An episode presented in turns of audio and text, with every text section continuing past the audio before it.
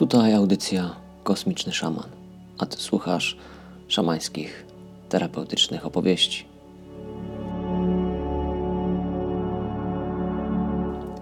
Jestem na pokładzie jednego z ostatnich statków kosmicznych, któremu udało się wystartować tuż przed eksplozją planety.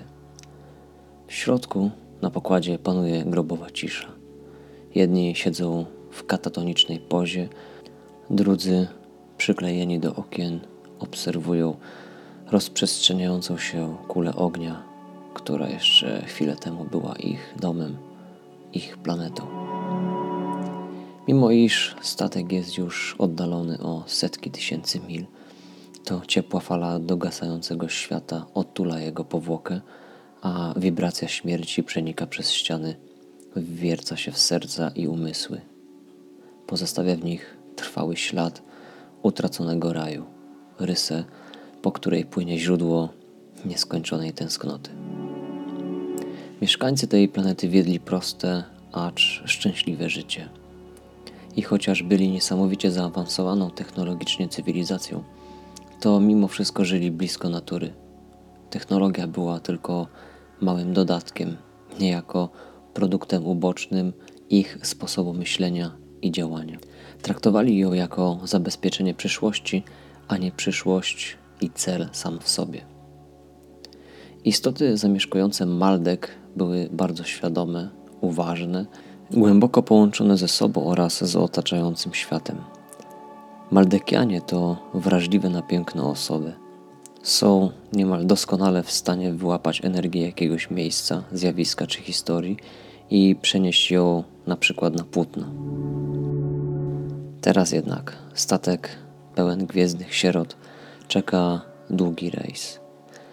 Zastanawiam się, gdzie garstka ocalałych postanowi spróbować żyć na nowo.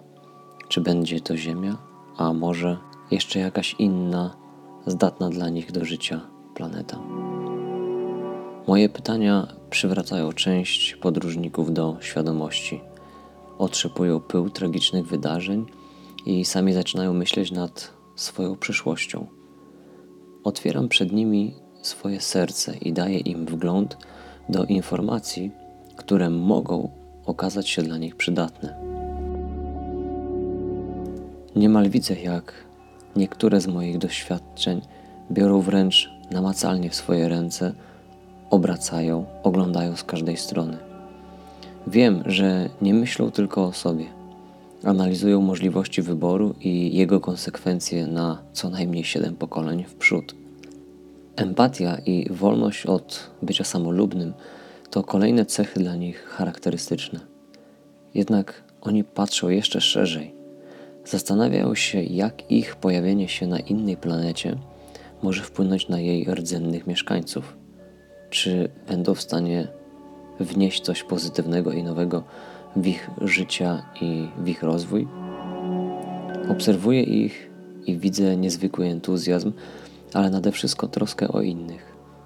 Perspektywa, która zmienia serce, rozciąga je, czyni gotowym na przyjęcie jeszcze większej dawki miłości i wdzięczności.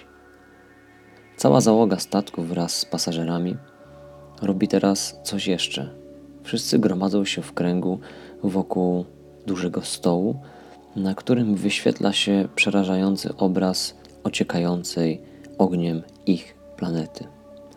Naraz kładą ręce na sercach i w swoim języku odmawiają modlitwę wdzięczności, dziękując planecie Maldek za to, że mogą, czy też mogli być jej dziećmi, za to, że przez tyle czasu mogli żyć ze sobą razem. Teraz Obraz katastrofy wypierany zostaje przez pierwotną wizję Maldeka, pełną życia i kolorów, i to jest obraz, który obiecują nosić w sobie i przekazywać go następnym pokoleniom, bez względu na to, gdzie przyjdzie im żyć. Strata, mimo iż bolesna, otwiera inne drzwi, ku nowemu prowadzi. Wyzwaniem trudnym jest, na nowo świat Twój ubogaci. Tysiące świetlnych lat zamknięte w atomy przenikają Ciebie, Ty budujesz schrony, z pamięci przodków korzystasz.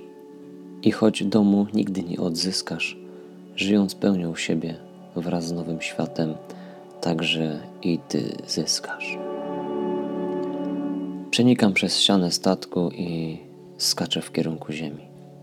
Statek obiera kurs na Jupitera.